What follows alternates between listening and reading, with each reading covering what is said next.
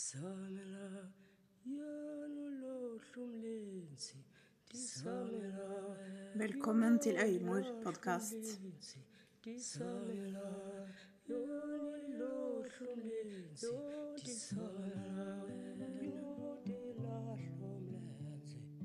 Ahti min Mitt navn er Silje Nikoline Runesdatter Kvalheim, og jeg er din vert. Øyemor podkast er et fellesskap for og med kvinner for å dele livsvisdom, erfaringer og ressurser rundt fødsel og morskap, og om å reise seg etter kamper i mørket. Øyemor er et begrep som ble brukt i Sápmi om tradisjonelle jordmødre og medisinkvinner. En kvinne som kunne se inn i sjela til fødekvinner og med trygghet og kjærlighet støtte henne inn i det ukjente. Både nytt liv og død. Jeg er mor, fødselshjelper og lysarbeider, og min sjels arbeid i dette liv er å støtte kvinner under og etter fødsel, og styrke deres ville natur og deres eierskap til egen kropp og egne historier. Jeg tror at gjennom å dele vår visdom og våre historier skaper vi en verden for våre barn hvor kvinner kan oppleve støtte, kraft og det å bli holdt. I bakgrunnen hører du Mari Boine sammen med Madosini. Velkommen til Øyemor podkast.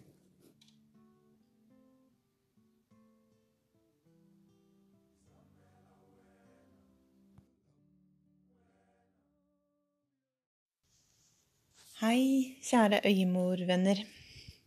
Jeg har så mye fint å dele med dere i dag, siden sist. Forrige episode spilte jeg inn rett før min datters knesettingsseremoni. Da var jeg et sted inni meg selv hvor seremonien bygget seg opp i meg og i feltet rundt meg. Følelsene lå over skorpa. Magien den helgen var fullkommen, rett og slett. Ord blir fattige. Så jeg velger å holde mange av de bildene og opplevelsene nær hjertet. Men jeg vil fortelle dere litt om verdien og tyngden av morkakenedleggelsesseremonien. Vi var en intim, liten gruppe med mine nærmeste. Min datter var der selvfølgelig og hun danset rundt seremoniplassen som en yr, varm vårvind. Tre kvinner kom til meg for å bære rommet med oss, tre vakre, sterke medsøstre. Line Efreidsen, som du møtte i episode 11.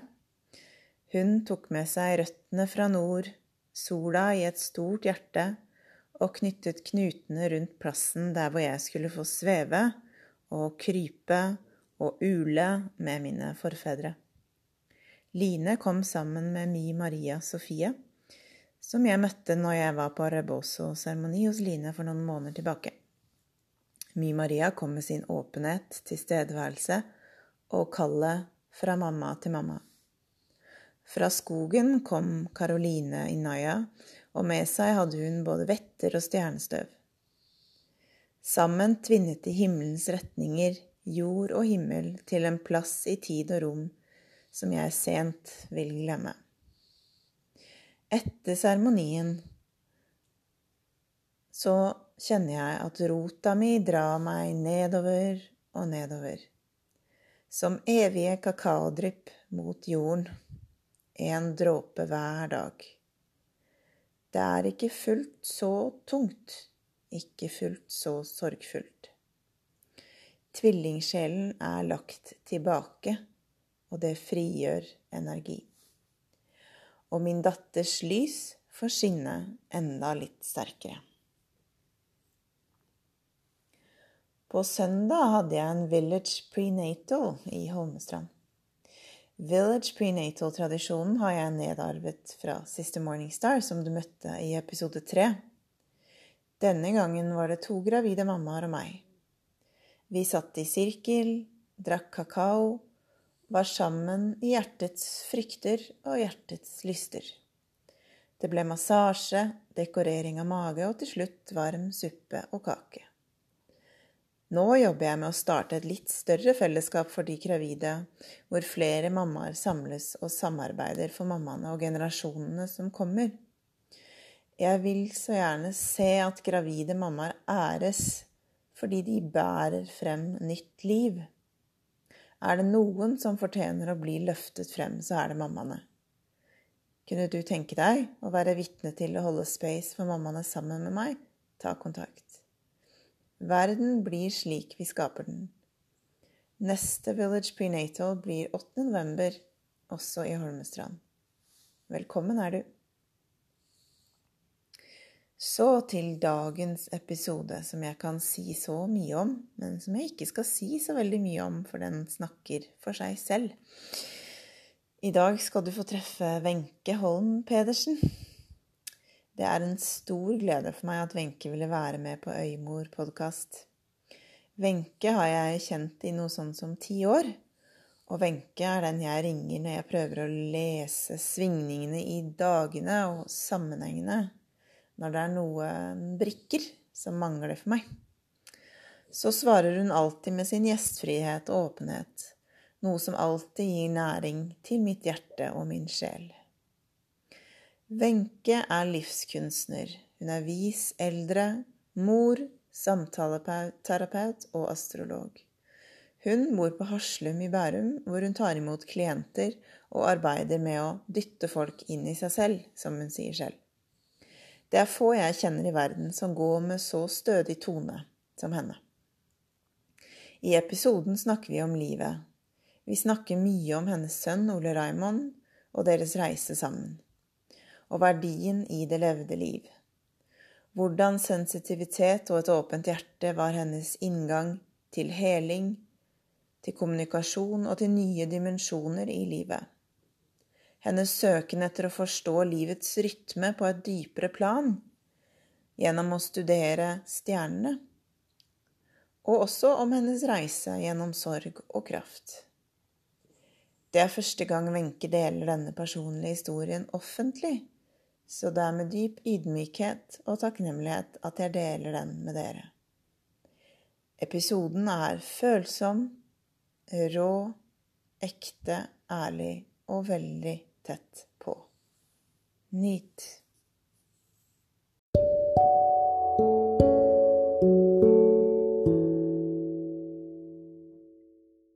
Det var så koselig at du hadde lyst til å være med på podkasten.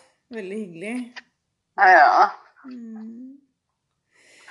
Du, jeg satt og tenkte, jeg satt og tenkte på eh, eh liksom eh, når vi møttes første gang jeg, det, det, som jeg husker eh, faktisk best, eh, det var den lille hunden Eller altså, jeg husker selvfølgelig deg, da, men altså, jeg husker ikke helt så mye fra den eh, session liksom, vi hadde sammen. Men jeg husker veldig godt hunden din. Og ja, den hunden som jeg passa, som jeg hadde liksom redda fra så smerter og ditten og datten. Paris het den. Paris, ja. Mm. Han hadde det så vondt. Så um, det var jo å redde en liten hund som um, hadde forstoppelse og Nei, det var grusomt. Ja. Det var sånn jeg kom borti den. Ja.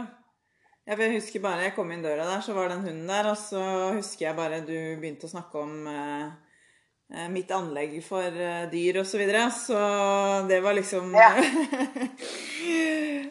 ja. Men det er ganske mange år siden nå, da. Det er vel eh, kanskje ti år siden eller noe? Kanskje vel så det. 12, nei, det er tolv år siden pappa døde. Og jeg, eh, Å ja. jeg var vel hos deg før det, var jeg ikke det? Eller var jeg ikke det? Um, skal vi se Jeg tror ikke det er tolv år siden. Nei, det var nok Jeg kanskje, kanskje like etter. Jeg tror pappaen din var død. Mm. Mm. Ja. Det tror jeg. Mm. Så Ja, så har vi jo holdt kontakt siden. Du er jo absolutt eh, den personen eh, å ringe til hvis man trenger litt visdomsråd. Ja, det, det er ganske mange som, som syns det er greit. Og det er jo hyggelig, da. Mm. Mm. Jeg har hatt to på telefon alt før i dag. Ja. Mm. Ja, jeg er vel ikke den som Egentlig, det å vinne seg sjøl, det er jo det Det å dytte folk inn i seg selv og Mm. tåle seg selv, Mm. det er jeg vel kanskje god til. Det er du god til. Ja. Det tror jeg vi kan si. Kanskje Øystein sier vel at eh, du er god til å eh, sette ord på, andre, eh, på andres tanker og følelser. Ja, Sånn at de forstår seg sjøl bedre, og kanskje akseptere og respektere sin situasjon på en annen måte. Mm. Ja, virkelig. Istedenfor mm, Men eh, Wenche, vil du bare Nå kjenner vi hverandre, men de som lytter, kjenner jo ikke deg. Vil du bare si litt om eh, hvem du er, og hvor du bor, og litt sånne basics? Ja, jeg, jeg heter Wenche Pedersen, og jeg er jo 67 år gammel nå. Oi, det er jo ganske eh, flott alder til å kunne bli 67. Mm. Det er ikke alle som blir det, og vi er i en så spesiell tid nå at eh, i denne koronatiden at vi blir jo veldig kjent med oss sjøl. Mm. Og det må jeg si at jeg er også en av de som, som, som eh, blir enda dypere kjent med mitt indre. Både kvaliteter og, og ting som trengs å justeres, og følelser og tanker og, og handlinger. Fordi vi ikke kan eh, nå hverandre på så mange områder som ønsker Mm. den nærheten. Så jeg er heldig som har eh, bor sammen med mannen min, da. Mm. Og mine fire barn har jo flyttet ut fra barndomshjemmet, så jeg er så heldig å bo sammen med mannen min. Han, han er i full jobb, men har hjemmekontor, og det gjør jo en eh, nærhet som er eh, til han gjør veldig kvalitet. Tid sammen. Så man setter jo veldig pris på at han har jobb. Mm. Eh, Jeg har eh, mine klienter som, eh, som jeg må faktisk bare ta per video. Så jeg Mm. er jo heldig å ha de. Så vi er jo heldige som har denne nettjenesten. Mm. Det er ikke verdt alltid sånn, så Så ellers eh, hva med Ta en break, da. Jeg blir jo litt hetta. Jeg vet ikke hva jeg skal si, da. Nei, men du sier bare bra, det. Men um ja, kan du si litt, Wenche, om hva du jobber med, eller hvorfor du jobber med det du gjør, og hvordan du jobber? Eh, Ja.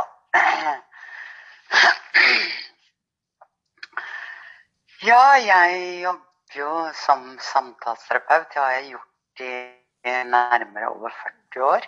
Ja. Men eh, det er jo Det er jo et produkt av at det, det der å, å bry seg om andre mennesker, da. Mm. Og, og jeg må si at eh, jeg fikk et, en veldig sykt barn i 72, som gjorde jo det at um, man måtte jo hjelpe han så veldig, ikke sant? Og da var det det å klare å lese mellom linjer, ikke hva alt man trenger, men man måtte begynne å åpne nye nye eh, måter å se tingene på. Mm. Bruke intuisjonen mye mer. Så jeg må si at eh, han er jo en pådriver til å bli min lærebok, da. Så Han var jo født med medfødt Han ble født i 74. Januar 74. Og han var medfødt hjertefeil, så han ble operert 13 timer gammel. Så at eh, han eh, trengte jo veldig mye eh, Han var veldig pleietrengende i perioder.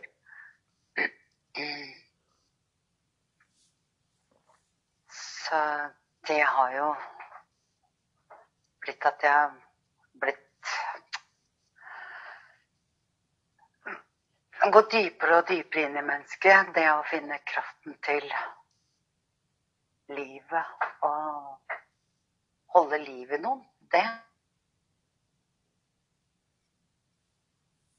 en pådriver og, og viktig menneske å se kvaliteter, så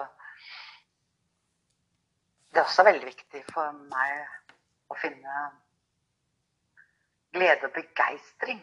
Det er jo det som har vært drivkraften til å kunne leve. Um, Silje, vet du hva du skulle fått den derre dikt som jeg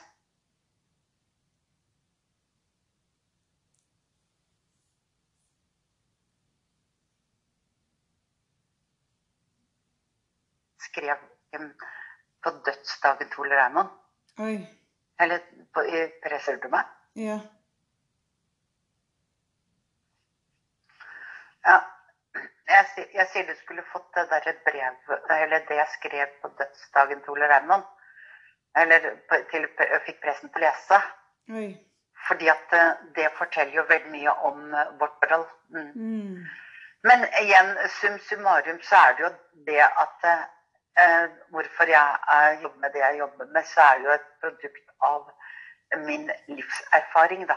Ja. Gjennom, gjennom tider. Og, og at eh, jeg blei også ødelagt i to, 2002. Den tok jo og rev av meg hovedåren. Så det der å bli ødelagt så innmari eh, Ikke bare 2002, men 2003 òg, så blei jo det Er du det? Ja. Så blei jo det eh, pointet til å eh, klare å finne Skjønne hva, hva livet bestod av, rett og slett. Hvordan man var skrudd sammen. Og det, det fikk jeg Jeg syns psykologien holdt liksom ikke nok. Så jeg bare måtte se hvordan mikro- og makrokosmos, altså eh, universet er. Og derfor studerte jeg fire år med astrologi, da. Mm.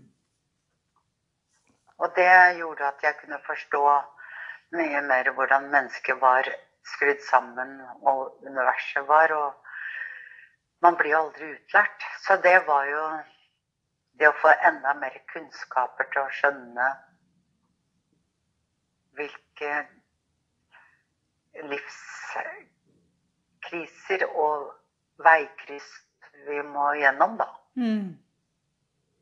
Og det har jo vært at det, det å hjelpe meg sjøl først, så kunne jeg også støtte andre og, og til å finne veien sin. Mm. Uten å ta fra dem eh, muligheten eller hjelpe dem å belyse veien til det gode liv. Mm. Eller forløse ting her i livet. Mm. Så,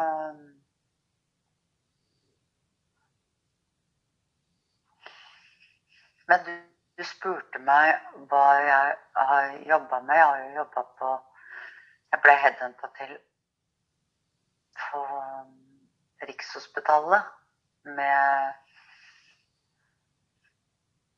å lage Hva heter det?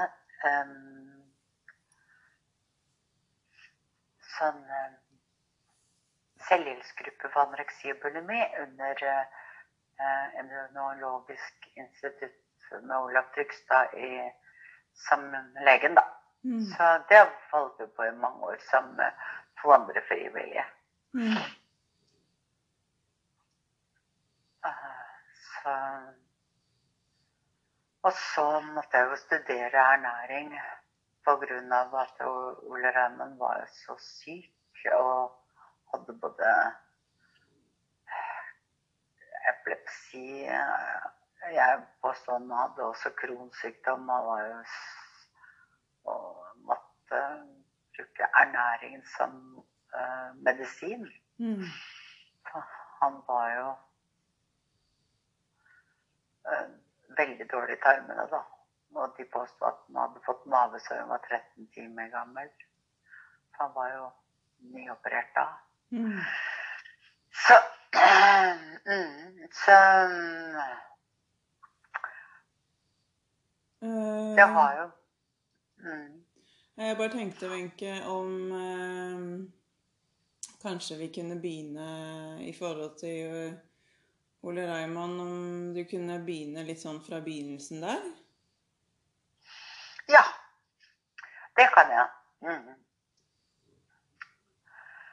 Eh, svangerskapet med Ole Raymond var jo ganske normalt. Katrine var jo eh, nesten to år når han ble født.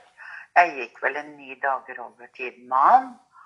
Og hadde normal fødsel, eh, vil jeg si.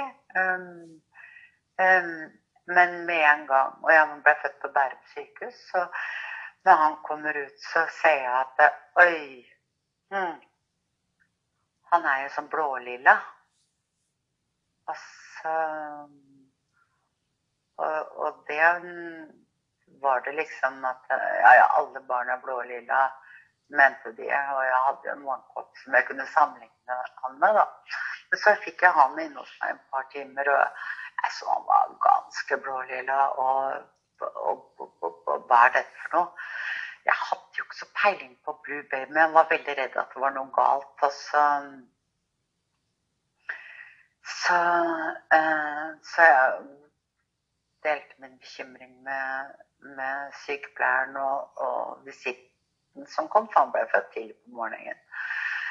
Og de sa ja, ja, vi har jo en barnelege som kommer to ganger i uken til Bærum sykehus, men eh, de skulle kalle på en ekstra. Jo, så, så barnelegen kom, da. Bort til meg, og så Da hadde han jo vist at han hadde undersøkt um, problemet. Så han begynte å stryke meg på armen, satte seg på sengekanten og strøk meg på armen og sa at ja, ja, det er sikkert eh, Vi skal jo sende på Rikshospitalet ganske raskt for å se hva dette kan være. Um, så så han eh, ble jo sendt ganske raskt. Så kom en sykepleier inn og sa Oi, du, vi må ha blod av deg, så må du finne på et navn, for dette, dette er ikke sikkert det går bra. Oi, og det var jo faktisk ganske så tøft å finne på et navn og, og bare Oi, nei, hva er dette for noe? Mm. Um, Så um, Så jeg fikk jo liksom ikke noe trøstende ord av sykepleieren, så de visste jo ikke noen ting. Før de sa jo om kvelden at nei, du må ringe selv. For de hadde ikke noe med det så lenge han ble lagt inn på et nytt sykehus, så hadde ikke de ansvar for det. Nei. Så det var innmari tøft. Og så fikk jeg så ve veldig melkes... eh, Sånn jeg, eh, Litt sånn melkespreng, ikke sant? Og Mm. det var det sånn at Nei, jeg kunne bare ta noen tabletter, og så gikk de over. Og det ville jeg ikke, for jeg tenkte oi, hva er det for noe barnet mitt? Mm. Og så husker jeg at jeg ringte inn eh, øh, Ja, det hadde vel en gått 15-16 timer. Og da sa de at ja, på Rikshospitalet var ingen som hadde fortalt meg at han skulle opereres eller noen ting. Ingen informasjon. Og da var det brystet, altså. han er operert. Og det går bra, men det er krise. For den hadde aldri operert et type feil før på så små. Eh, så jeg syns det var kjempetøft tøft at ingen på sykehuset ville holde meg orientert. Det var så traumatisk. Og, de, og det jeg husker med den sam, første samtalen jeg hadde med Rikshospitalet, var at det, eh, de som satt på, Det var vaktstua jeg måtte gå opp for å ta den telefonen. Så satt de og lo i bakgrunnen. Og så Jeg hørte jo ikke hva Rikshospitalet sa, ikke sant. Så de satt og lo og tulla på, på, på de De hadde jo ikke De skjønte jo ikke at jeg prata med Rikshospitalet, om du skjønte det eller hva. Men så måtte jeg bare si Kan dere være stille? Jeg skal bare høre hva befeiler sønnen min. Herregud. Ikke sant? Mm. Det var, sånn, det var så lite informasjon. Mm. Um, så jeg I hvert fall så hver gang um, mødrene fikk barn Jeg lå jo på samme rom som mødre som fikk barn inn da. Ja. Så eh, Jo, det var faktisk sånn jeg oppdaga Eller sa det eh, eh, sykepleieren Her ser du at det her er et blått barn, og, eller blått barn, og her der borte er det et rosa barn. Det er sånn fordi at jeg kløp den i fingeren for at, eller i foten for at det, han skulle skrike for at han skulle se at han var blue baby, da. Mm. Han var jo blue baby. At han var lilla, sånn mm. som morgenkåpen min var. Det var jo helt Ja, og det husker jeg. Men i hvert fall så gikk jeg opp på Trøsten min var faktisk å gå opp på en sånn pasientstue. Rotunden på Bærum sykehus. Det er en sånn rotunde tårnet på toppen der. Mm. Og der var det Dette var jo 18. januar, så det var jo eh, Visna nesten sånne julestjerner. Og jeg gikk jo rundt og, og gikk og vannet de og stelte de og plukka visneblad. Hvis jeg redda de blomstene, så redda de barnet mitt, tenkte jeg. Så trøsten min var jo akkurat den der biten der. Mm. Så hver gang barna fikk mat, så gikk jeg opp og matet disse blomstene. For jeg hadde ingen å prate med. Mm. Fordi eh, de var jo ikke og, um, De var jo ikke eh, De var, var, var ikke kompetente til å prate med meg. Så de kunne si ta piller for melkespreng, og jeg ville jo ikke gjøre det. Så jeg husker på mandag morgen Jeg tror jeg fødte på en fredag, så mandag morgen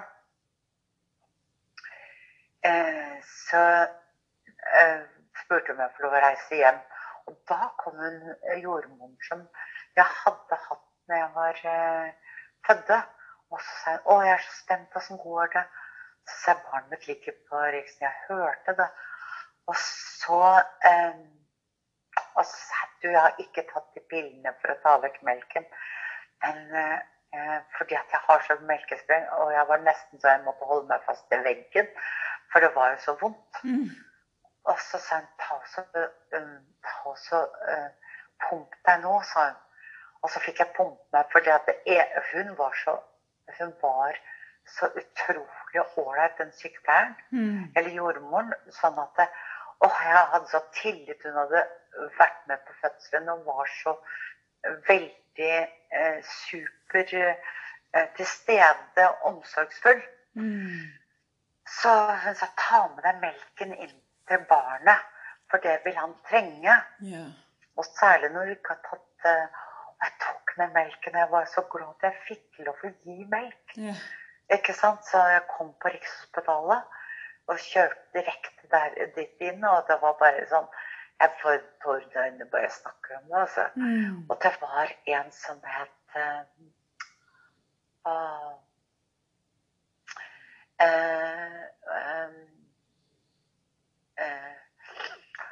uh, Det var en sykepleier som hadde forbarma seg over den og døpt den Charlie, for hun hadde ikke fått med seg at eh, jeg hadde kalt den Ole Raymond. Jeg hadde ikke huska at jeg hadde kalt den Ole Raymond eller noen ting. Jeg tror det var faren som gjorde det. Ja, ja men i hvert fall så, så ble hun kalt Charlie, da Ja. der inne.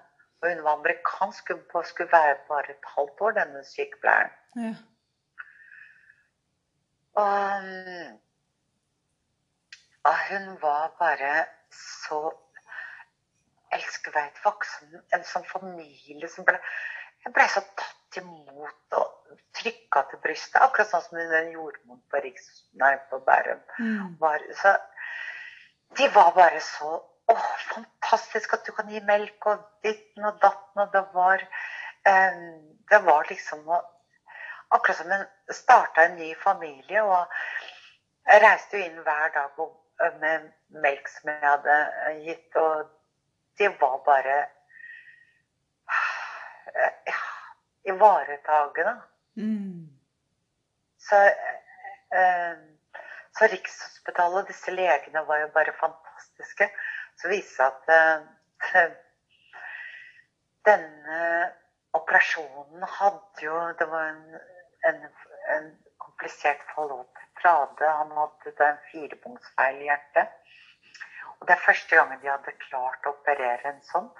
Men de hadde jo faktisk eh, ødelagt eh, 40-årsdagen til hjertespesialisten, så alle kirurger og alle leger måtte eh, ut fra det selskapet og være og operere. Så han fikk jo ikke noe selskap. Så det ble jo eh, eh, merkeposten for, for at Oi! Det er han som Det er Charlie som virkelig ødela Eller Det var jo en seier at de hadde klart å operere, da. Mm. Så han blei jo et sånn eh, et, eh, et, et, et Skal vi se Han blei så ivaretatt på Rikshospitalet. Det, det, det Han et sånn litt sånn vidunderbarn for dem. Mm. Som eh, de virkelig sto på. Og det var han ja faktisk i alle år. Mm. Så det går faktisk sagn om ham ennå.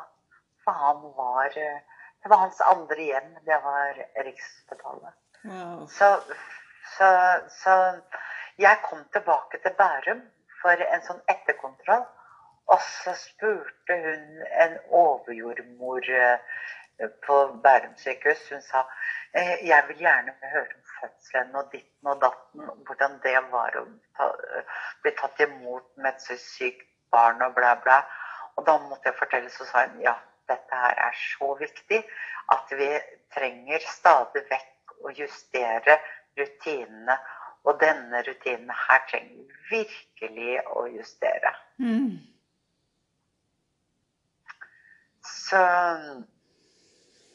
så det var den fødselen på Bærum sykehus. Mm. Så jeg fødte jo to år før det igjen, ikke sant, med Katrine. Jeg vet ikke om du er interessert i å høre det. Men Jo, det var eh, tøffere fødsel. Mm. Hvordan, hvordan det-? Ja, fordi at eh, for det første, det var i 72, så, så var det å eh, eh, Det var faktisk at det nå eh, Jeg ble lagt Jeg hadde gått over tiden med henne, og så satte dem i gang, og det var ganske sterke rier Mm. som jeg fikk, og vannet gikk, men fikk ikke noe seng. Nei, du må sitte på en pinnestol ute i, uh, ute i, i lobbyen på venteværelset der. Oh. Så det var sånn eh, Det var sånn uh, Når Og det var klokken ni om morgenen. Som jeg kom inn, og så gikk jo vannet ved ett-to-tida, og så var det sånn Nei, der skal du sitte. Noe, vi har ikke noe seng til deg før du, sånn utpå kvelden. Og da var det jordmor, ikke sant. Da så var mannen fikk ikke lov å være der. Han ble sendt hjem. Mannen måtte hjem og sove, så jordmor. Hun sa ja, her skal du ligge. Og tåle å ligge her. Og jeg lå jo der og lå der, ikke sant. Så jeg lå jo til klokka var Hun ble ikke født før nærmere kvart over tre på ettermiddagen. Dagen etter. Så Det er jo å ligge ganske over eh, nesten halvannet døgn, så det var jo bare sånn eh, Sånn skal det være. Her eh, Det var ikke det var eh, visittid for far, og ikke noe Ikke noe å være der under fødsel eller eh, Noen fikk lov å ha med seg mannen på, under fødselen, men andre fikk ikke. Spurte, det var spørsmål om hvordan jordmora var. Mm. Jeg hadde litt sånn Synnøve Solbakken, holdt jeg på å si, men nei, det var ikke Synnøve. Hun bare så sånn ut med to fletter og, og ganske streng. Jeg får sånn, Når du sitter og snakker, så Jeg bare kjenner jeg får så vondt i brystet at jeg blir helt sånn øh, Jeg skjønner liksom ikke at det går an å behandle kvinner så respektløst. Det er bare for, Jeg forstår ikke at det går an, jeg. Vet du hva, det er så ille. Og det er ikke bare kvinner, men barn også blir eh, virkelig eh, Østby har vært mye på sykehus Mm. og ser hvordan eh, barn og voksne har blitt eh, I hvert fall folk som ikke klarer seg selv. Mm. Eh, og har pårørende som snakker eh, og passer på deg. Mm. Blir virkelig eh, hersa med, altså. Mm. Enkelte. Det husker jeg med Jeg var talsrører for mange av pasientene som lå i nabosengene som kanskje hadde parkinson eller eh, eh, MS, eller eh, for de som lå på samme rom som Ole Raum, for han lå jo på manneavdelingen. Og jeg fikk jo som regel lov å være til stede hele dagen. Mm. Og jeg masserte og jobba mye med han. Og hvordan de ikke bare satt inn maten. Ja, spiste du ikke, så kan du gå ut. ikke sant? Så jeg var jo veldig for å hjelpe dem for å se deres muligheter og, og valg, og turte å snakke deres sak, da. Mm. Men at de trengte ernæring og, og ikke sånn Ja, vi har ikke tid, vi har ikke tid. Mm. Så jeg må si at um, eh, det der å være pårørende Hvor viktig det er at man tør å snakke Mm. og, og, og ha godt forhold med å lage et godt team med sykepleier og lege. Mm. Det må jeg si at eh, det var jeg så heldig med på Rikshospitalet. For jeg har prøvd så mange avdelinger på Rikshospitalet. Mm. Og jeg har måttet til og med eh, hatt bekymringsmelding til eh, til eh, til eh, ledelsen på grunn av en, eh, en avdeling som var styrt av en diktatorsykepleier, altså. For de hadde så mye makt før. Det var ikke bare én avdeling, to avdelinger var det faktisk. Ja, det er det som er det der med å ha de der mm, De rollene der hvor man i utgangspunktet har så mye makt, da. Og liksom eh, være klar over hvor eh, hvor, hvor, hvor mye det er du faktisk bærer da, med den rollen. Og det tror jeg det tror jeg det er ikke det tror jeg ikke det er nok eh, snakk om altså, i helsevesenet. Og ikke bare helsevesenet, men det er jo generelt alle da, som jobber med folk. Den makta du har til å liksom bare si, si og gjøre, kan jo bare knuse det mennesket du har foran deg. Men jeg tenker at uh, i gamle dager, eller bøker mer enn uh, 20-30 år tilbake Det er jo ganske gamle dager for mange, da, ikke sant? Ja. Så, så, så var det en eh, De hadde så enemerke. Mm.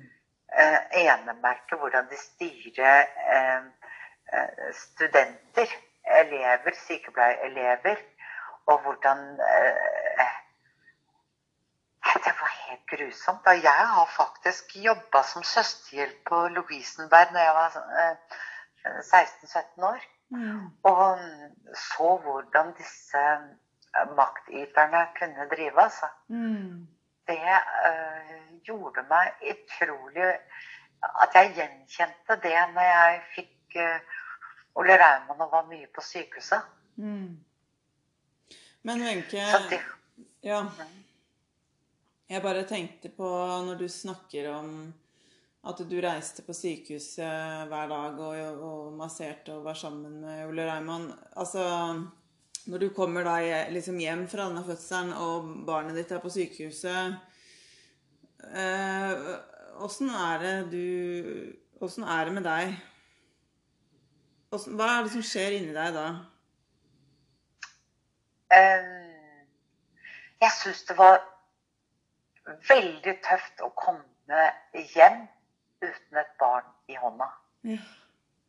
Det og alle sto i vinduet, ingen kom ut, sånn som den gjorde rundt på Løkka der jeg bodde.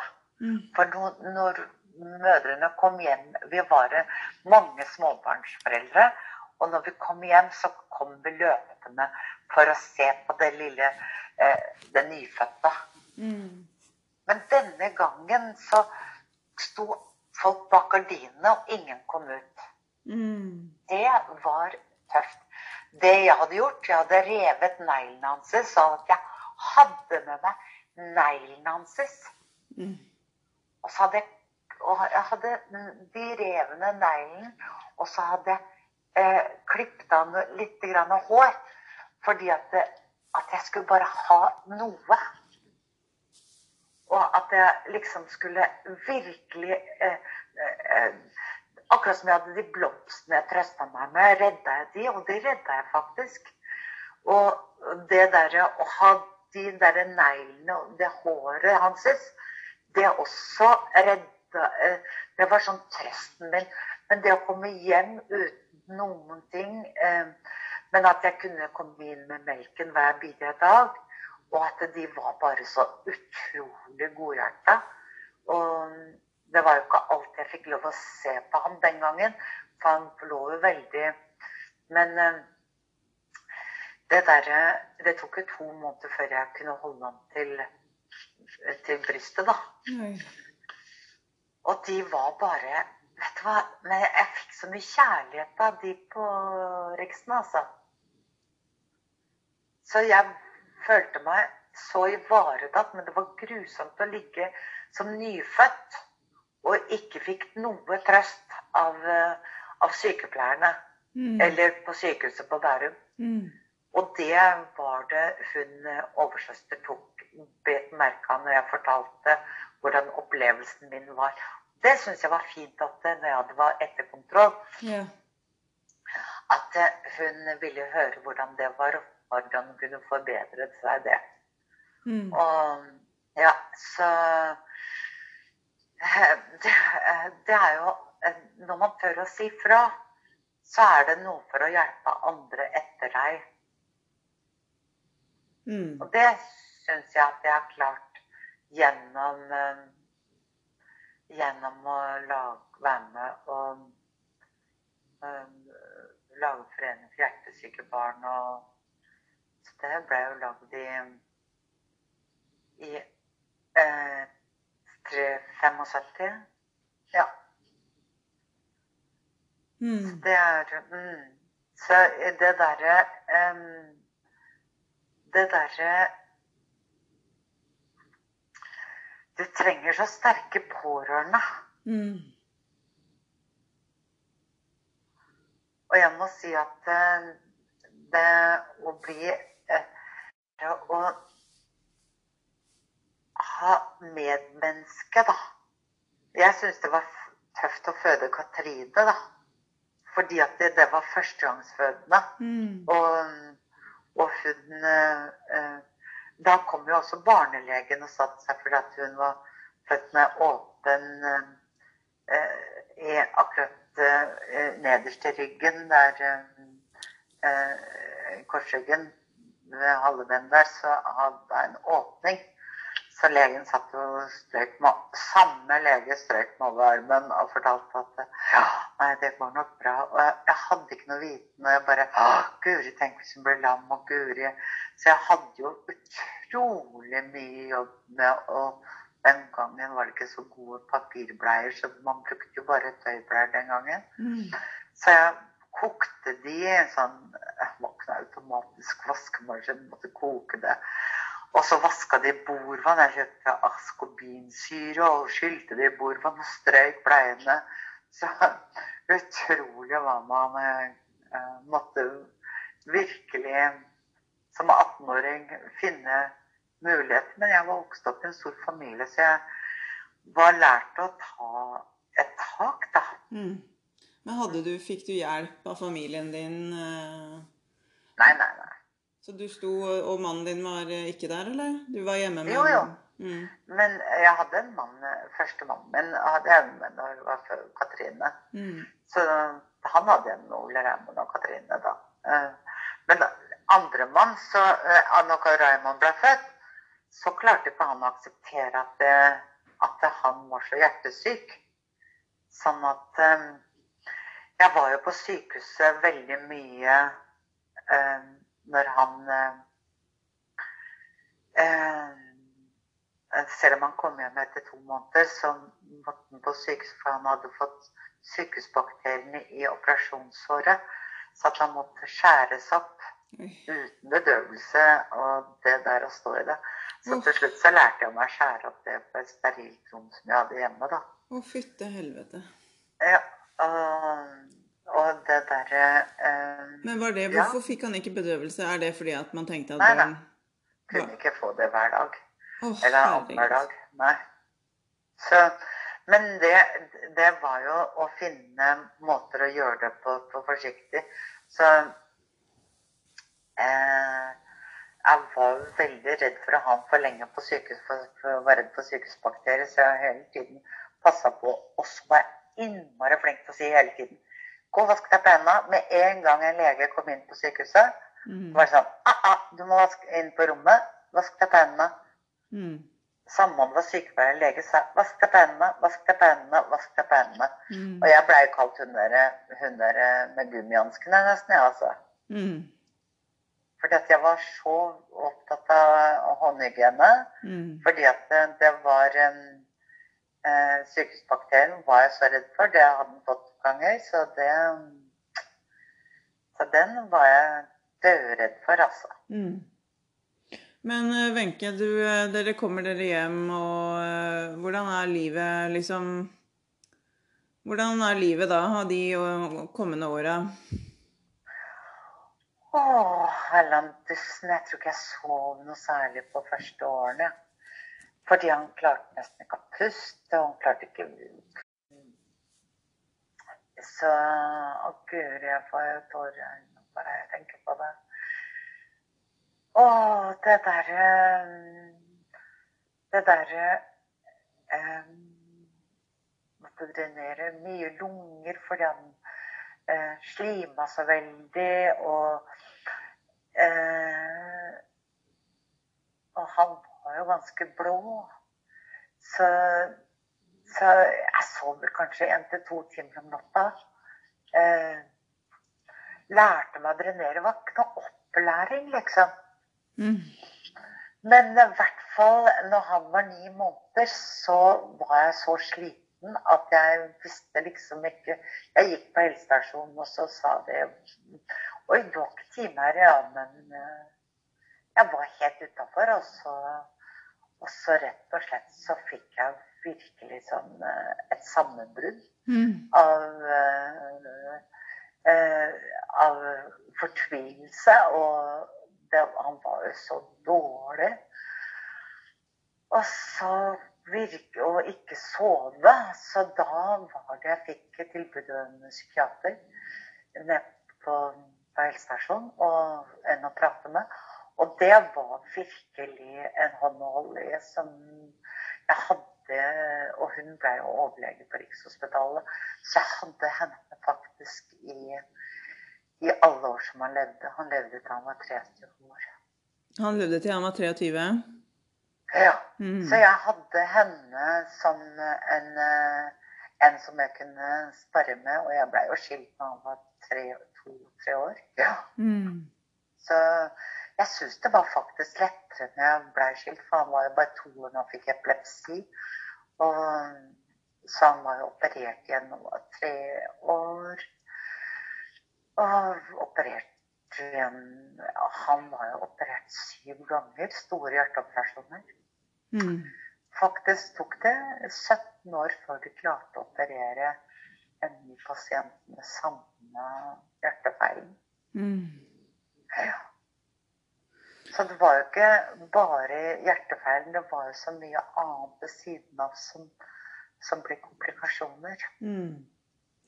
Så, Men du har snakka men han var faktisk læreboka mi, da. Ja, ja det var det jeg skulle Til å gripe livet. Ja, for det var det jeg skulle til å si at eh, om du kunne For jeg husker du har snakka litt om det før med den liksom dynamikken eller kommunikasjonen eh, dere imellom. Mm. Ja, vi fikk en veldig sterk kommunikasjon fordi at eh, eh, vi brukte telepati Mm. og healing, så at jeg kunne kjenne faktisk hvordan blodårene hans var. Jeg kunne kjenne når han har lungebetennelse, og legene bare Og så klarer du det, og hvordan Sånn at det, Men det var jo at jeg kjente han kroppen hans bedre enn min egen. Mm. Så det var jo å åpne et nytt språk da, og energier. Så at jeg klarte faktisk å Jeg hadde litt sånn um, Jeg hadde faktisk en sånn em, em, En eh, en intuisjon på at eh, jeg får svar Jeg får hjelp til det når jeg skal redde den. Mm. For jeg opplevde Han var jo ikke bare Han var bare noen måneder når han dør på, på stellebordet på Rikshospitalet, når jeg steller han der. Og så bare Oi, han dør jo. Ikke sant? Så klarte jeg. Så bare Oi, her døde han. Ikke sant? Hjertet slutta så slå, men han ble jo gjenoppliva, da. Så at jeg, jeg lærte jo hvordan jeg skulle gjenopplive noe så jeg hadde tillit at jeg klarte at jeg, jeg fikk beskjed, og det gjorde jeg. Så jeg redda den vel to-tre ganger med eh, hjerteopplivningen. Eh, hjertekompresjon, da, så Så Så jeg må si at eh, det er mye mellom himmel og jord til å skjønne at eh, man har et annet språk også, ikke bare Mm. Så vi kunne jo snakke med hverandre telepatisk. Mm. For den gangen så var det ikke mobiltelefon. Mm. Og jeg kunne liksom ikke være hos han hele tiden. Mm. Så han kunne gi meg beskjed. Og det gjorde han også når jeg fikk flere barn eh, når han var eh, 13 år. Som skulle gjøre noen hjerteoperasjoner igjen. Så, så kunne jeg telepatien, igjen, liksom. Gjør du det enda, Wenche? Har du det? Jeg har, jeg, jeg har jo god kontakt, men det har jeg. Mm. Sånn, mm. Selv om det er faktisk 23 år siden han døde. Mm. Hvor er han på en måte for deg nå? Nei, han er en annen dimensjon, så Men har det bra. Og den fysiske lidelsen som han hadde på jorda, er jo borte, så jeg føler en sterk tilknytning til ham. Så noen ganger er han jo ganske fjern, og andre ganger er han ganske nærme. Så, så um, Og sånn har jeg hatt det hele tiden. Så han kan jo fortelle meg ganske mye, da. Mm. Og det som jeg kanskje uh, syns var ganske sterkt når han dør, så var det bare noen timer før han døde som han spurte om å få dø, og det var jo den sterkeste kjærligheten jeg noen gang kunne ha gitt et menneske. Mm. Det er vel den største kjærligheten man gir til, til noen. Det er jo barna sine. Mm. De man har båret under ribbena inntil hjertet. Så, så det der å gi han fri fra at Han skulle ikke lide mer. Og at han trengte Han ønsket ikke enda et nytt hjerte, for han hadde jo fått hjertetransplantering, så det holdt jo 18 måneder. Så, så han eh, skulle, han skulle ikke reddes mer. Så han eh, Og det der å, å gi slipp på livet, det var ganske sterkt. Mm. Og da når han tar den siste pusten, så er han inni meg med en gang og styrer meg i de ti dagene. Og det er også veldig sterkt. Jeg tror jeg ikke Ingen kan forstå hvis de ikke har opplevd det. Men jeg må si, etter han Etter jeg kom til Jeg var halvveis i hans Jeg hadde halvveis han i meg og meg sjøl. Så, at jeg, så han styrte dette så alt gikk knirkefritt og bare kjærlighet og mennesker. Og, eh, det var helt utrolig hvordan den, eh, den lekende begravelsen og før begravelsen og alt eh, gikk så smertefritt og bare minnerikt. Og, og alle fikk bli sett det var liksom ikke jeg som styrte, det var han som styrte alt sammen. Til og med værvarslinga skulle melde dårlig vær. Så sa nei, sa jeg til brystene, det ble knallfint vær. Og det blei det òg. Folk satt i T-skjorter 24.9. Så, så det, det er så sterke minner alt sammen. Så når jeg kom tilbake på kvelden Eh, på begravelsedagen så, så var det så godt å komme til min egen kropp og gi slipp på han. Og da faktisk så tok jeg alle stjerneskuddene som han hadde samla fra nyttår. Han hadde gjort det, så jeg tok jeg de med meg sammen med broren min. Så gikk jeg på kirkegården der ved tolvtida om natten. og så hentet jeg alle stjerneskuddene hans sa ja, han var faktisk stjerna i livet mitt, som var veiviseren til ikke bare mitt liv, men mange andres òg. Fremdeles. Så Han var en lavmælt skjønnhet som var rik på mange På hele sitt hjerte. Jeg føler meg så privilegert at jeg fikk lov å være mammaen hans. Og, og at han var en veiviser for meg til det gode liv. Jeg er så Det er vel den kjærligheten som er den største av alt. Og det er kjærlighet seg sjøl. Og det er det ikke andre kan dekke, så må man dekke og gi seg sjøl det. Og fortelle hvordan man skal det. Så at eh, man ikke trenger å sitte igjen med bitterhet og fortvilelse. Men hvordan man skaper livet sitt. Det er det godt å ha andre å kunne snakke med. Det er faktisk første gangen jeg forteller det åpenlyst, denne reisen, Mm. til den offentlige. Guri Wenche, tusen takk for at du deler så åpent. Jeg eh, Det er så utrolig eh, vakker og sterk historie. Som er på en måte Det er nesten vanskelig å sette ord på eh, det du sitter og forteller. Jeg bare kjenner i hele kroppen hvor mye kjærlighet og styrke som ligger i den historien. Ja, og det tror jeg er at eh, det å finne styrke til hver dag, det tror jeg er det viktigste.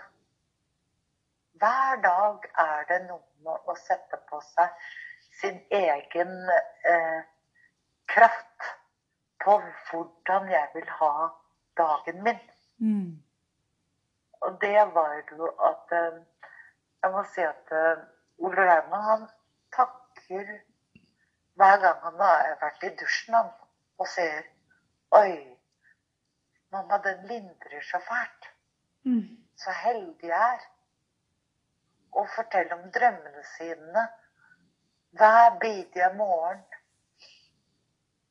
Å være så Å ha selvtillit og selvfølelse. Han hadde jo hjerneskade òg, men han var så sosialt utvikla. Sånn at eh, eh, Han klarte å finne glede og virkelig være kreativ. Mm. Til og med på sykehuset så, så til og med da satt Så satt han og malte på gips. Fordi at han måtte jo jobbe litt, da. Han måtte late som han jobbet. Mm. Så at han var, gjorde noe som var produktivt. Fordi at det, det var så viktig for han. Og han eh, solgte til disse her til sykepleierne gipsfigurer, så jeg måtte hjem og lage gipsfigurer om natten fordi han skulle eh, male, eh, male de. Men så begynte han å skjelve så fælt på hånda, så, så, så, så han bare gullegere og, og patinere disse englene. Det var moderne gipsfigurer da. Og det var en fin måte istedenfor å sitte med sånn pirkearbeid, da. Mm. Jeg tok og gullerte dem og patinerte dem. Og jeg tror det er ganske mange sykepleiere og, og leger og han ga det bort.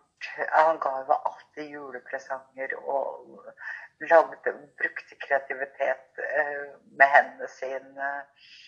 Eh, ja, grep livet. Og det er noe med at eh, ikke hindre noen til å gripe livet. Til og med seks ukene før han døde, så måtte han gå på skole. Så jeg hvis du må, så må du. Mm. Og det å styrke han til å gå på den skolen var jo viktig. Mm. Og vi måtte bære campingseng så at han lig- lå og fikk undervisning, så var det også greit. Mm. Det viktigste var at han fikk lov å gripe livet og åpne de dørene som han ønsket. Mm. Men, eh, men Wenche, jeg bare sitter ved sånn Altså Det er liksom eh, Det er jo så livs... Det er jo så, ta, det er jo så totalt sånn livsformende endrende. Og så, og så sitter jeg liksom med en sånn Hvordan er det man liksom klarer å liksom La det bli lys, på en måte? Så mye som det har gjort Jo, for deg? Jo, det skal jeg fortelle deg. Når, jeg, når Raymond var død, så jeg hadde to små gutter på åtte og ni år. Og, og en datter på 25. Og mannen min. Og, og, det, og så var det Ole Raymond bodde i meg, som jeg sa. Så sier jeg Du, mamma, gå ned i badstua, fød smerten din. Du er født tross alt fire barn, så det er på tide å føde smerten sin. Og ut av det, der kommer du lyset. Og det gjorde jeg. Jeg gikk og gråt tårer uten stemme. Og ut av det så var jeg det. Jeg gråt og gråt og gråt, for da måtte jeg føde min egen smerte. Og så kom jeg ut i lyset. Og det lyset der hadde jeg noe med å belyse eh, andre og alle sammen. Og ta imot folk. Så er du der? Ja, jeg bare blir så rørt. Og det der å, føde sin smerte istedenfor henge den fast eller sitte fast og være bitter. Mm. Men å forløse, det, det er jo som å føde. Mm. Så smertefullt er det å rives i stykker. Mm. Så det derre å, å, å føde, det er jo å, å forløse. Mm.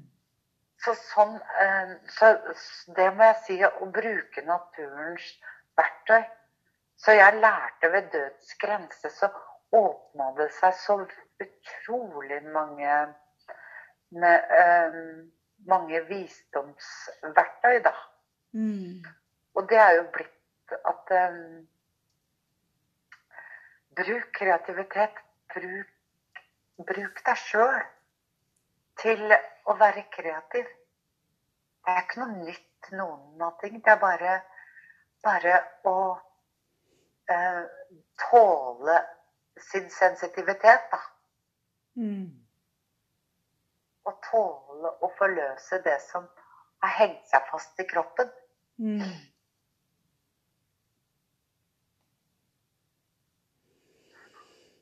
Så det, de som virkelig Jeg tror ikke folk er så ute etter for å være slem eller overse dem, men det er ikke alltid de klarer å, å, å, å vet hvordan de skal oppføre seg. Mm.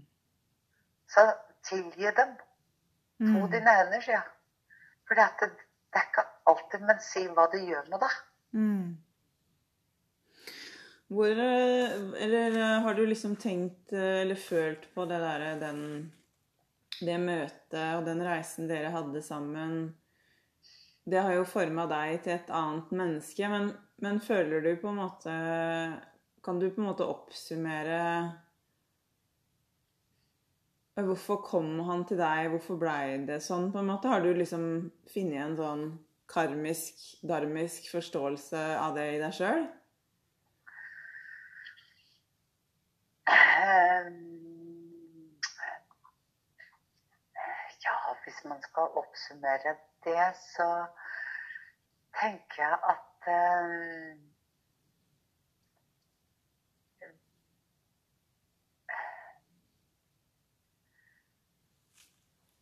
Det derre At jeg er så sensitiv at eh, det gir jo eh, mening med å, å, å forløse min egen sensitivitet. Det handler vel med å berøre andre òg. Og kan, rett og slett at eh, han var en døråpner som jeg også kunne Og han kunne vise til andre også. Og det eh, å hele seg og forløse seg og øh, rett og slett at han øh, øh, Det er så mye kraft i både liv og død at Men det derre er noe med at kanskje det er flere som er er halvdøde mens man lever, da. Mm. Istedenfor å være levende.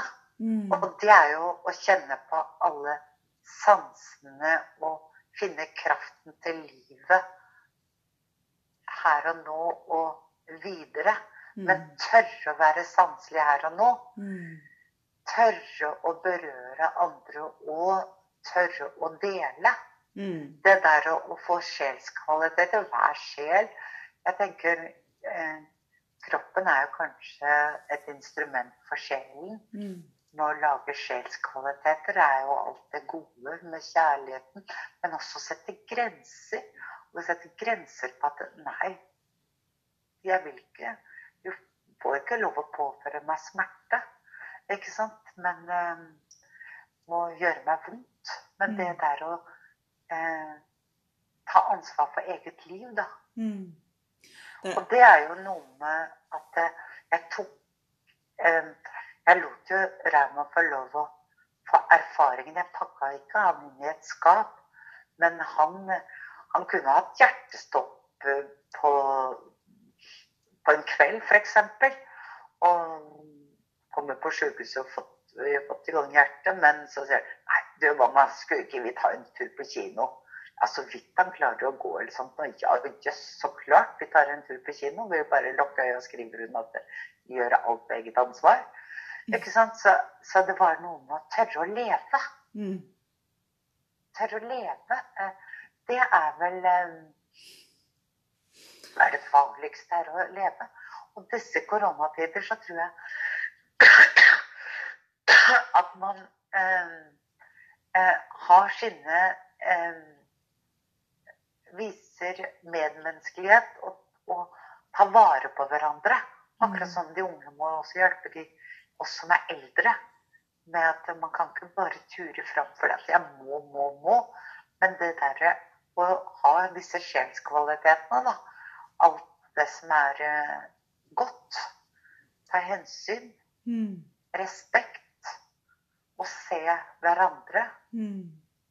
Jeg bare tenker når du snakker nå så at det, Fordi at det, i liksom vår tid, eller vår kultur, da, så er det jo det derre å skulle gå inn i mørket det, det, det kjenner jeg jo liksom mye på i det arbeidet jeg gjør her. For for meg så er det liksom viktig da, å få fram de historiene, eller de krafthistoriene, da, hvor kvinner går inn, inn i sitt dypeste inne og graver fram et annet lys ut ifra en fødsel. Være seg en åndelig, spirituell fødsel eller en fysisk fødsel eller begge deler. Og da på en måte å bruke den, eh, det mørket da, som et gro...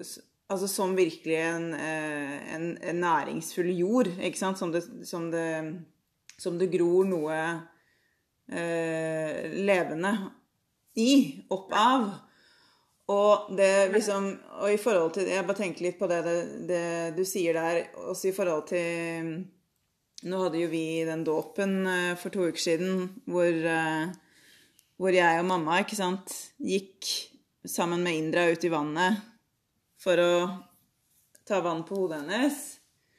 For å eh, markere at eh, nå avslutter vi den karmiske, eh, nesten evigvarende eh, smerten som har ligget mellom mor og datter i Ja, nå har jeg faktisk fått dokumentert det nesten åtte generasjoner, i hvert fall, da. Med smertefulle fødsler og dårlige mor-datter-relasjoner. Og, og det å liksom markere det i et ritual, i en overgang, for at eh, man kan skape noe nytt. Man kan liksom ha en intensjon om at nå, nå, nå går vi en annen vei. Og så tenker jeg jo liksom både på meg og min oppvekst og det, de manglende ritualene eller den manglende bevisstheten også for mamma sin del, da, ikke sant? som nå er voksen. Hun er jo eldre. 70. Og liksom øh, Og det er jo på en måte den Det er jo den naturlige reisen egentlig et liv skal være. At man, ettersom man eldres, så har man gått igjennom alle disse uh, mørke tunnelene, og man har møtt det med hele seg, sånn at man har kommet seg igjennom og har en annen erfaring som man kan dele med de yngre. Jeg tror det er veldig viktig at um, for å bevare eller ta eh, og, og, og At de unge skal tørre å se de eldre, så må de se verdien i de eldre. Og det er jo deres levde liv. Det er jo derfor du spør meg òg. Mm. Det levde livet. Verdifulle verdien i det levde liv. Mm. og, og, og, og kjenne igjen at det, hvilken kultur er vi i nå? Mm. Hvilken kultur levde eh, mine fedre, forfedre, eh, den tiden og den tiden? Og vi er jo på en planet når vi er at vi skal bruke, bruke en aktiv intelligens. Mm. Og aktiv intelligens har ikke noe med egoisme å gjøre, bare. Men det er jo noe med eh, Intelligens er jo eh, det å bruke mulighetene.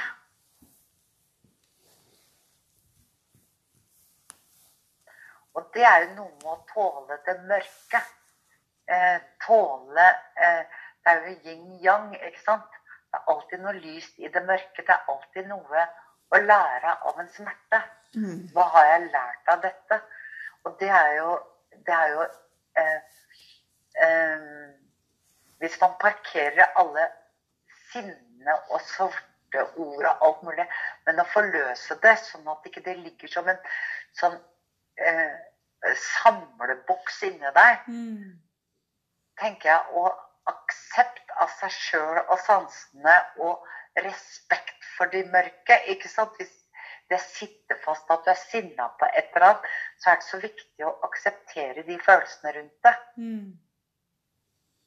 Og det er jo hvordan er dette mørket, og hva er, eh, hva er det i det mørke i familien? Det er så mye rart. Eller det er, det er så mye vi skal forløse, ikke bare i én familie, men også eh, med det feminine Mm. i familien og det maskuline i familien.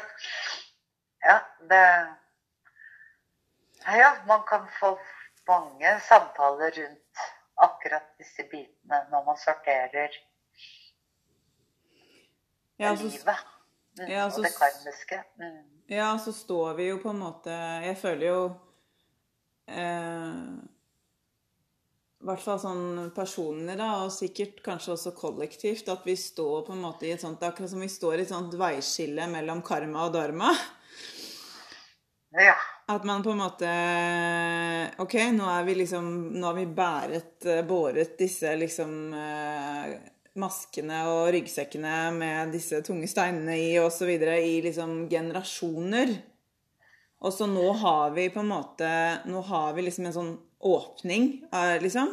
Hvor man liksom kan gå inn og så se hvem Hvem er jeg? Hva vil jeg Hva vil jeg uh, føre videre?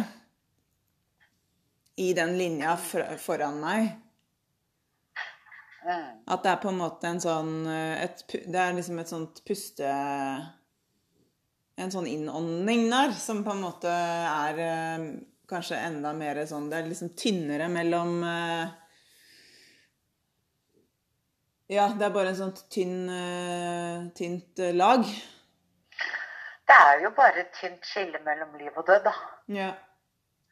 Og det er jo noe med hvordan, hva slags liv vil jeg skape? Hva er det jeg er bærer av? Mm. Jeg syns det er veldig interessant om hva er jeg bærer av Mm. i generasjoner. Ja, og det husker jeg nå, når du sier det, når vi er inne på det. Så det husker jeg veldig godt. For det husker jeg vi snakka mye om eh, når jeg var hos deg. Eh, for det husker jeg du sa eh, at jeg er bærer av mors karma. Hun er skorpion, jeg husker det. Altså, og det jeg jo, hadde jeg jo liksom følt på i så mange år. Og nå, nå må jeg virkelig si at jeg eh, nå skjønner jeg det. Jeg skjønte ikke det med hele, hele meg da. Jeg, eller jeg, jeg kunne gjenkjenne det da, i det du sa til meg, kan du si. Men, men nå vet jeg, kjenner, vet jeg det, liksom. Og så vet jeg jo på en måte hvordan det kjennes ut. En forløsning da, på en måte av den tyngden som du drasser med deg. Ja, og det er det som er det, er, er det interessante, er at eh, jeg tar denne runden nå. Mm. Jeg trenger ikke flere strafferunder, for den er så smertefull. Mm. Jeg forløser den nå. Yeah. Og det er noe med eh, Jeg tenker, når jeg turte å gi, gi slipp på Raymond uten at eh, Det derre Jeg lærte så veldig mye av de små ungene mine. Mm. Det derre at de kunne stille meg spørsmål på, på akkurat det derre At jeg skjønte ikke hvorfor jeg gjorde eller sa. Men når de stilte meg spørsmål, så skjønte jeg å, det er grunn til det, ja. Yeah. Aha, ja. Ikke sant? Det var sånn Å, mamma, hvorfor kunne du ikke redde han? kunne de si. Mm. Og så var det noe med at det, Oi, hva skulle jeg redde til? Mm. skulle jeg redde for at vi redda han fordi at det, det var vår egoisme. At han måtte lide der enda, enda lenger. Mm. Mens vi satt og så mens vi holdt liv i han. Mm. Så for oss, så, så, som jeg skjønte på han, så var døden livsviktig for han. Ja. Å gi slipp, for han var, han var rede. Han Mm. var, han var eh, over 90 år, han. Mm. Han var så veldig levd eh, menneske. Mm. Jeg vet ikke hvordan jeg skal forklare det. Mm. Ja, det Det rare, det rare var at det, dagen før så viser han meg på hendene. Så sier han Mamma, vet du hva, jeg har ikke noen riller igjen på hendene mine, jeg. Oi. Det var litt rart. Han hadde ikke riller igjen på hendene sine. Ja, altså han hadde ikke de her eh, årene, på en måte. Ingenting. Oi. Var så glatt. Wow.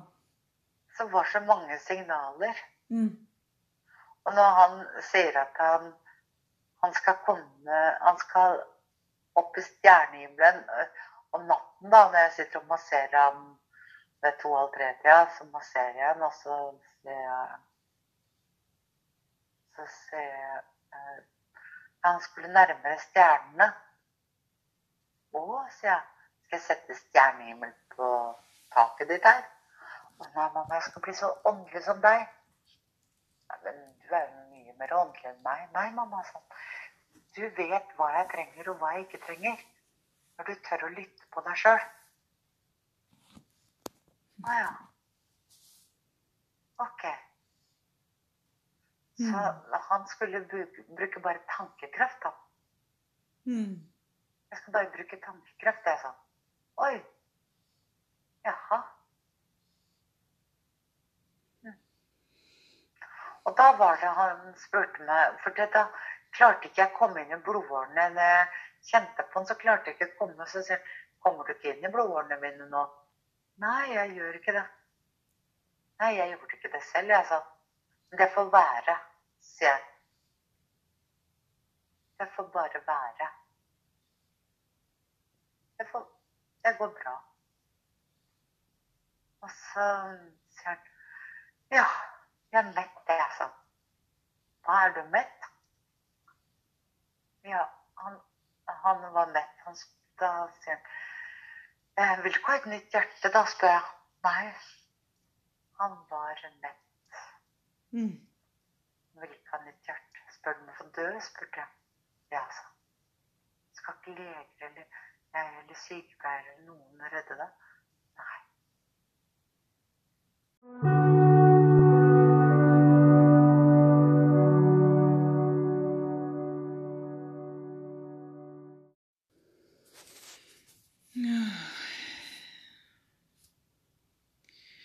Tusen takk, Wenche.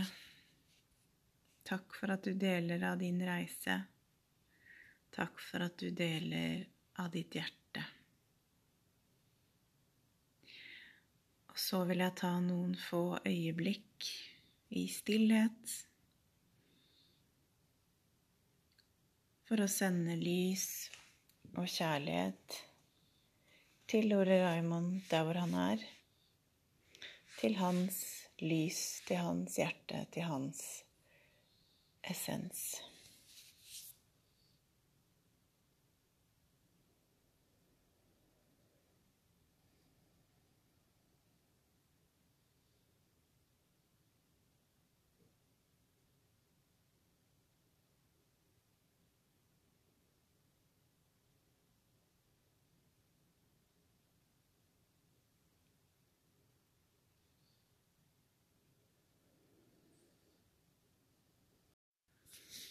Hmm. Livet er så skjørt. Det er så mye vi kan fange opp i løpet av et liv. Med nysgjerrighet og åpenhet leves det mangfoldige livet ut i det fulle. Du kan finne Wenche på Øyemorsiden på Facebook, Og du kan også kontakte henne på mail på wenchehp.online.no. Neste episode fortsetter vi å dypdykke inn i de eldres visdom. Du får møte Donna Maria Camps, som er fra Trinidad. I hennes kultur omtales hun som OPI, en visdom- og medisinkvinne. Hun er soldanser, seremonileder og har holdt svettedytter og Vision Quest og andre seremonier i årrekker. I episoden skal vi snakke om de eldres plass i vår tid, og modningen fra mor til eldre kvinne. Jeg hørte først Donna Maria snakke på en av Rochelles online sessions som en del av utdanningen.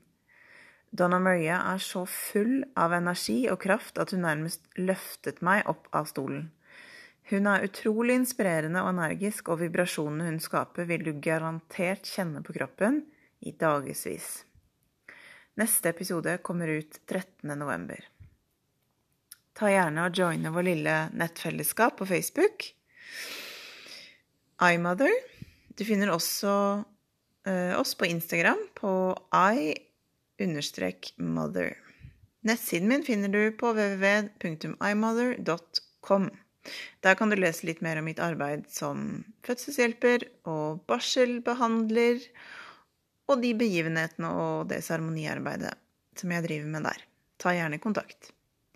Du kan også støtte podkasten ved å gå inn på patrion.com imother der kan du støtte arbeidet med en fast månedlig sum, som vil gi deg tilgang på bonusmateriale og spesielle gaver fra mine gjester.